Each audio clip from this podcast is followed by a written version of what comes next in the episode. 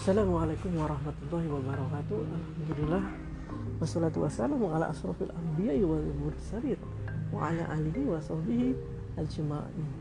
Alhamdulillah kita bertemu kembali sahabat Islamic Chronicle sekalian dalam rubrik uh, podcast Islamic Chronicle. Kembali kita akan membahas mengenai sirah nabawiyah Atau uh, kehidupan dari Nabi baginda Muhammad Wasallam pada kesempatan yang lalu kita telah membahas tentang bagaimana mulianya nasab beliau ya kan? Di mana beliau keturunan seorang pemimpin. Sejak dari kakek-kakeknya mulai dari uh, Quraisy kemudian Kusai kemudian hingga sampai ke Abdul Muthalib semuanya adalah pemimpin. Maka wajar bila beliau nanti juga akan menjadi seorang pemimpin. Wajar juga kepemimpinan dikatakan berasal dari Quraisy karena Quraisy ini memanglah seorang pemimpin. Masuk kakek buyutnya Hashim pun seorang pemimpin, bahkan yang memulai negosiasi dengan uh, kabilah-kabilah lainnya, kabilah-kabilah lainnya yang ada berada di sekitar Mekah sehingga tercipta keamanan. Kemudian pada sebelum masa kelahirannya pada tahun kelahirannya terjadi sebuah peristiwa besar yaitu ketika pasukan gajah dari Abraha berusaha menyerang Mekah ingin menghancurkan Ka'bah. Tapi pasukan tersebut gagal hancur diratakan oleh burung-burung ababil yang Allah kirimkan untuk menjaga rumahnya. Abraha sendiri kembali ke Yaman ke San'ah dalam keadaan terluka hingga akhirnya ia pun wafat di sana. Lantas seperti apakah momen masa-masa kelahiran dari baginda Nabi Shallallahu Alaihi Wasallam? Tentu sangatlah istimewa. Pasti ada sesuatu istimewa. Pasti ada tanda-tandanya.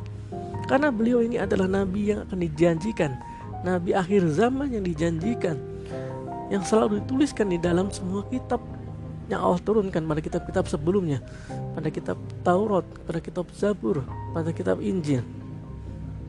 Berita akan datangnya nabi terakhir itu selalu disampaikan oleh nabi-nabi sebelumnya sejak Nabi Adam alaihissalam. Nabi-nabi sebelumnya selalu menyampaikan berita tentang akan datangnya nanti seorang nabi terakhir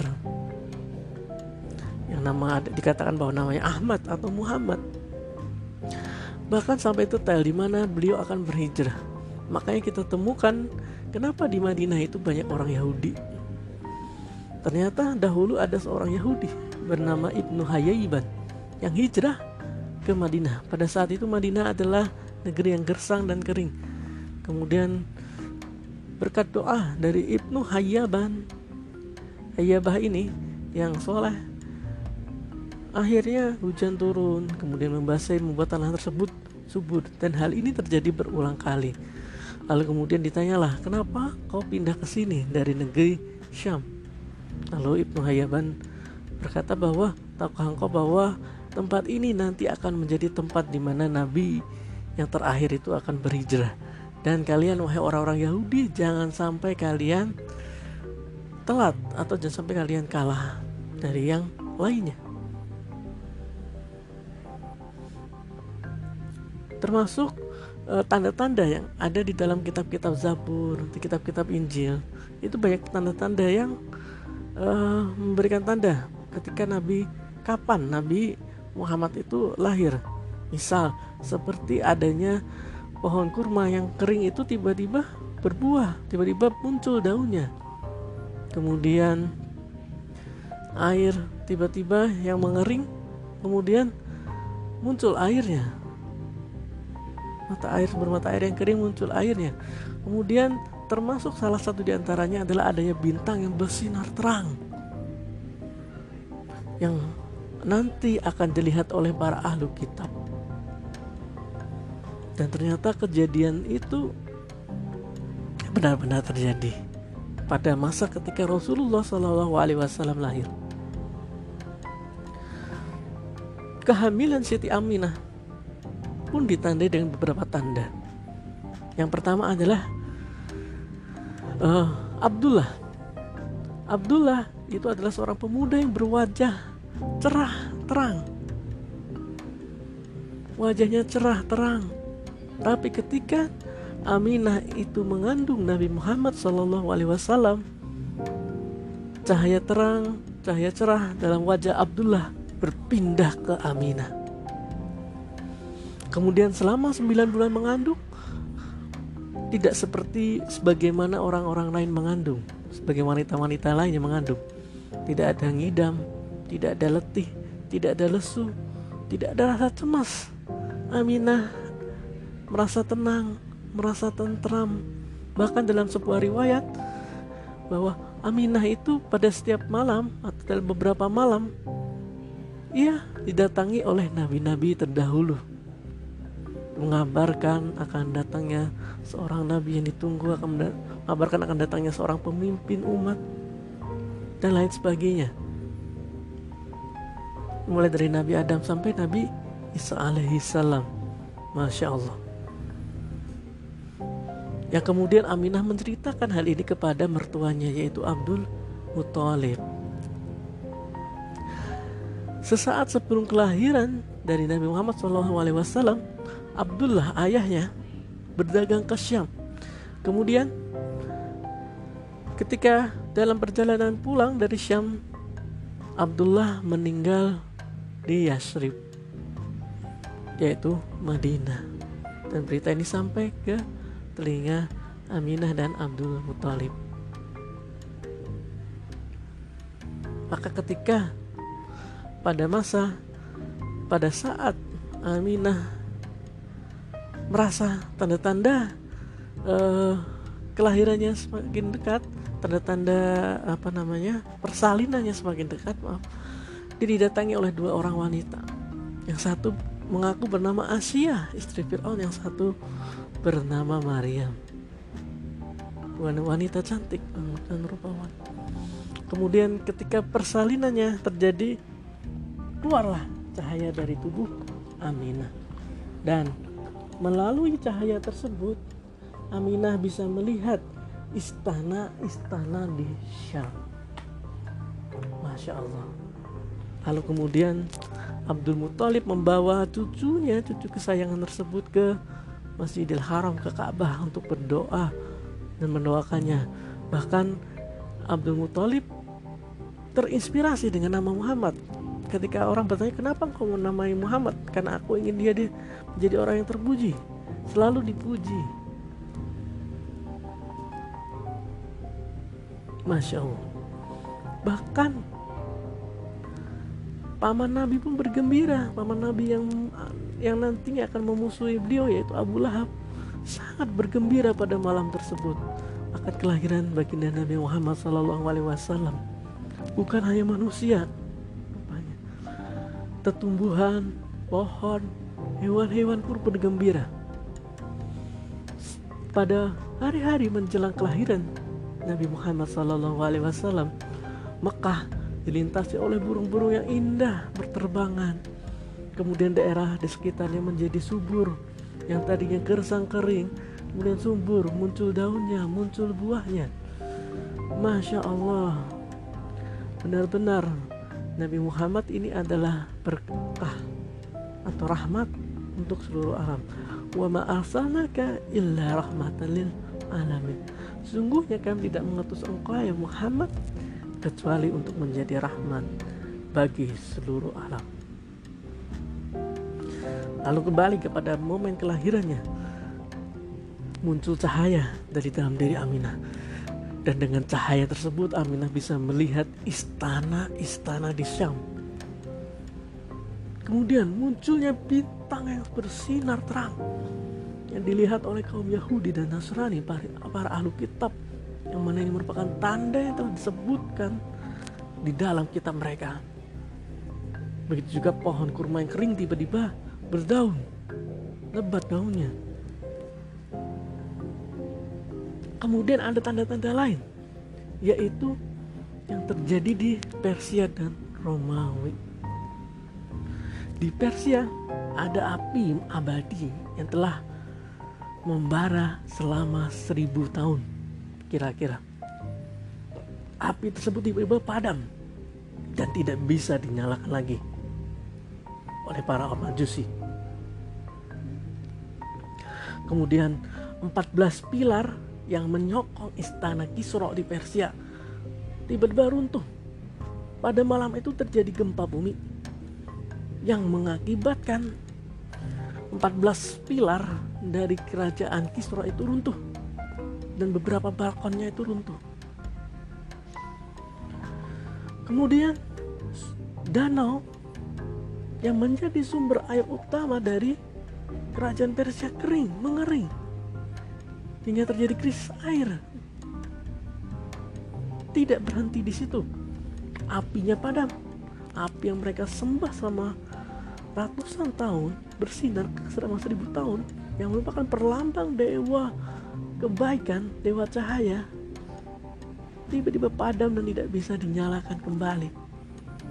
Lalu ada sebuah dataran tanah yang hilang masuk ke dalam bumi. Begitu pula di Romawi.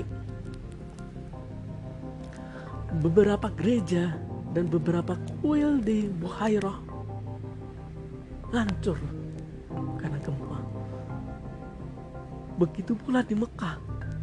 Berhala-berhala yang berada di sekitar Ka'bah berjatuhan karena gempa dan bersujud seakan bersujud kepada Allah Subhanahu wa taala. Masya Allah ini pertanda yang luar biasa.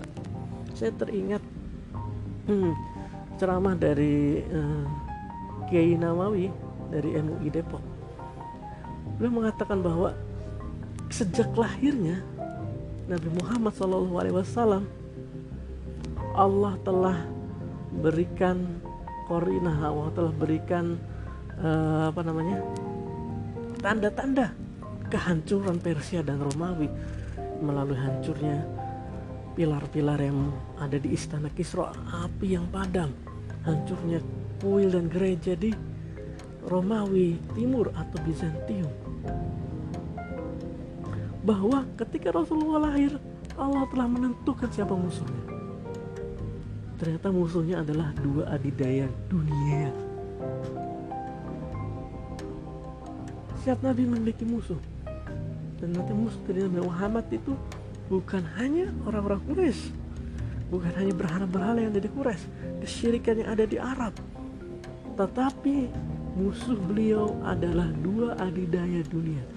Maka kata beliau, ya wajar kalau umat Islam saat ini memiliki musuh yaitu adidaya dunia seperti Amerika dan Cina dan Rusia. Dan kita tidak boleh takut menghadapi adidaya dunia karena kita umat Muhammad. Sedangkan Nabi Muhammad ketika lahir saja sudah dihadapkan dengan dua adidaya dunia. Maka bagaimana mungkin kita yang merupakan umat Nabi Muhammad takut menghadapi adidaya dunia?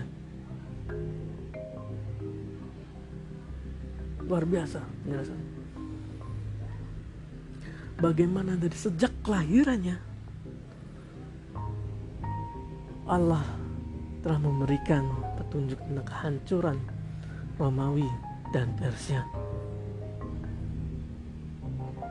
bahwa nanti Nabi besar Muhammad SAW bersama umatnya akan datang ke Persia menaklukkan Persia dan menaklukkan Bizantium Romawi Timur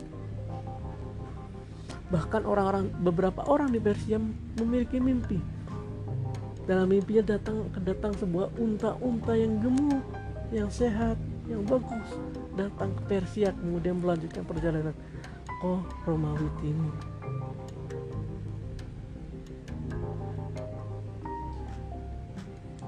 Terlepas dari sumber ini adalah sumber dari Israeliat ya. tapi kita bisa menjadikannya sebagai motivasi sebagai penyemangat bahwa begitu luar biasanya kelahiran baginda Nabi Muhammad Sallallahu Alaihi Wasallam. Kelahirannya mengguncangkan dunia, menghancurkan berhala-berhala di sekitar Ka'bah, menjatuhkannya, berlutut berhala tersebut, hancurnya pilar-pilar dari istana Persia hancurnya kuil di Romawi Timur. Bahkan mengeringnya danau di Persia yang menjadi sumber e, mata air utama bagi penduduk Persia. Tanda-tanda ini luar biasa sekali. Alam menyambut gembira kedatangan beliau mulai dari pepohonan kemudian tumbuh-tumbuhan kemudian hewan burung berputar di sekitar Mekah dengan indah sekali.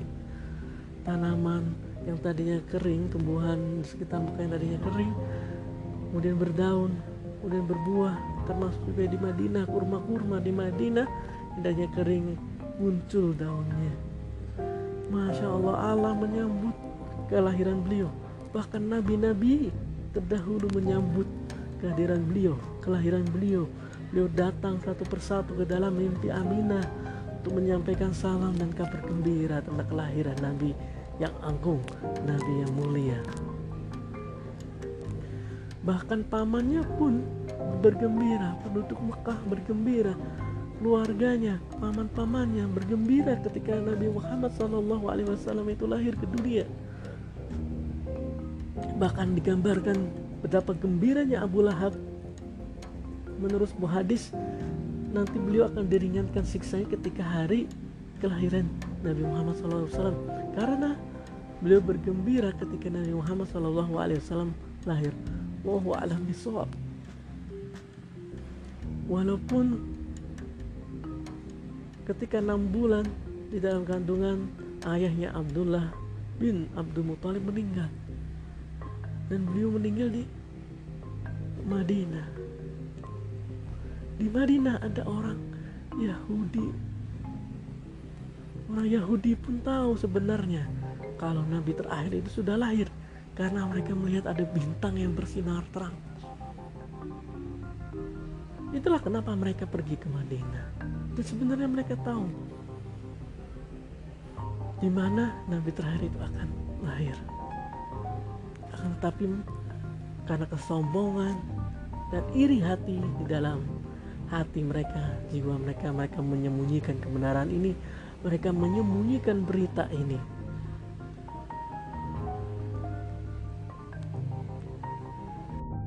Kemudian setelah kelahirannya keajaiban tidak berhenti sampai pada momen kelahiran saja. Setelah Nabi Baginda Muhammad SAW lahir ke dunia, keajaiban terus terjadi. Yaitu ketika Nabi Muhammad SAW disusui oleh Halimatus Sa'diyah. Jadi merupakan kebiasaan bagi orang-orang Quraisy itu agar anaknya itu disusui oleh sebuah kabilah yang hidup di pedesaan yaitu Bani Sa'ad maka ketika banyak lahir-lahir di Quraisy maka orang-orang dari Bani Sa'ad itu datang ke Mekah mereka mencari bayi-bayi untuk disusui. Prioritas mereka adalah bayi-bayi yang berasal dari keluarga yang terhormat. Bayi-bayi yang berasal dari keluarga yang bagus keluarga yang uh, memiliki uh, nasab yang mulia yang memiliki harta. Karena mereka tahu bahwa ada bayaran yang mereka inginkan adalah bayaran jadi sebagai imbalan atas uh, susu yang mereka berikan kepada anak mereka kemudian pengasuhan kepada anak mereka di daerah di wilayah Bani Saat maka mereka mendapatkan bayaran atau upah atas hal tersebut tapi ada satu bayi yang dihindari oleh Bani Sa'ad yaitu adalah anak-anak yang terlahir yatim. Karena apa mereka sudah tidak memiliki bapak. Artinya adalah uh, dari segi ekonomi kemungkinan keluarga tersebut kekurangan. Nah, maka ketika uh, orang-orang dari Bani Sa'ad ini mencari anak-anak mereka kemudian menemukannya kemudian membawanya pulang ke kampung halaman sehingga tersisa hanya Halimatus Sa'diyah yang belum mendapatkan anak untuk disusui. Dan hanya Nabi Muhammad yang tersisa pada waktu tersebut. Karena beliau yatim. Ayahnya Abdullah meninggal ketika beliau berumur beliau di dalam kandungan. Nah, kemudian akhirnya daripada mereka tidak mendapatkan apa-apa maka Halimatus Sa'diyah bersama dengan suaminya akhirnya mendatangi rumah Aminah. Bahkan dikisahkan bahwa unta dari Halimatus Sa'diyah itu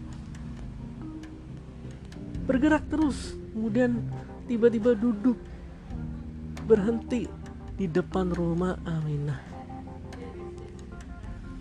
Karena Halimah tidak mau pulang dengan tangan kosong maka didatangilah rumah Aminah. Kemudian dilihatlah bayi tersebut. Dia lihat masuk ke dalam rumah Aminah. Kemudian lihat ternyata Aminah memiliki seorang bayi laki-laki. Maka digendonganlah Nabi Muhammad SAW dan ketika dicoba untuk disusui tiba-tiba susu Halimah penuh dengan susu. Dan kemudian sanggup menyusui Nabi Muhammad SAW hingga kenyang bahkan tersisa. Susu tersebut masih bisa untuk menyusui anaknya sendiri hingga kenyang. Luar biasa. Keajaiban tidak berhenti di situ Hingga akhirnya Halimah jatuh cinta pada bayi Muhammad SAW lalu dibawanya ke perkampungan Bani saat untuk disusui dan untuk di uh, dibesarkan. Dan ternyata keistimewaan tidak berhenti sampai di situ. Ketika sampai di rumahnya, Halimah diam tiba-tiba unta-unta beliau yang kurus menjadi gemuk. Banyak air susunya. Tanaman di sekitarnya pun yang tadinya gersang, yang tadinya tidak subur menjadi subur. Halimah dan suami merasa bahwa bayi ini membawa berkah. Ada keberkahan pada bayi tersebut. Halimah menjadi gembira akan hal tersebut. Padahal tetangganya tidak mengalami hal yang serupa. Gemuknya unta-unta. Halimah kemudian penuh dengan susu kemudian suburnya uh, halaman uh, Halimah tidak dirasakan oleh tetangganya. Seakan-akan bahwa uh, gemuknya unta susu susu susu susu pada unta tersebut hanya terjadi di dalam rumah Halimah. Hingga akhirnya tetangga-tetangganya berusaha meminta agar bisa mengembalakan kambing-kambingnya atau unta-untanya di halaman Halimah.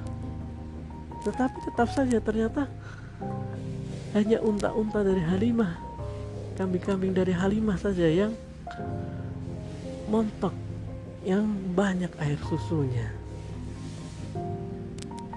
Masya Allah, inilah keajaiban dari Nabi Muhammad SAW. Keajaiban ini tidak berhenti setelah kelahiran beliau dan akan terus ada keajaiban hingga nanti beliau meninggal dunia.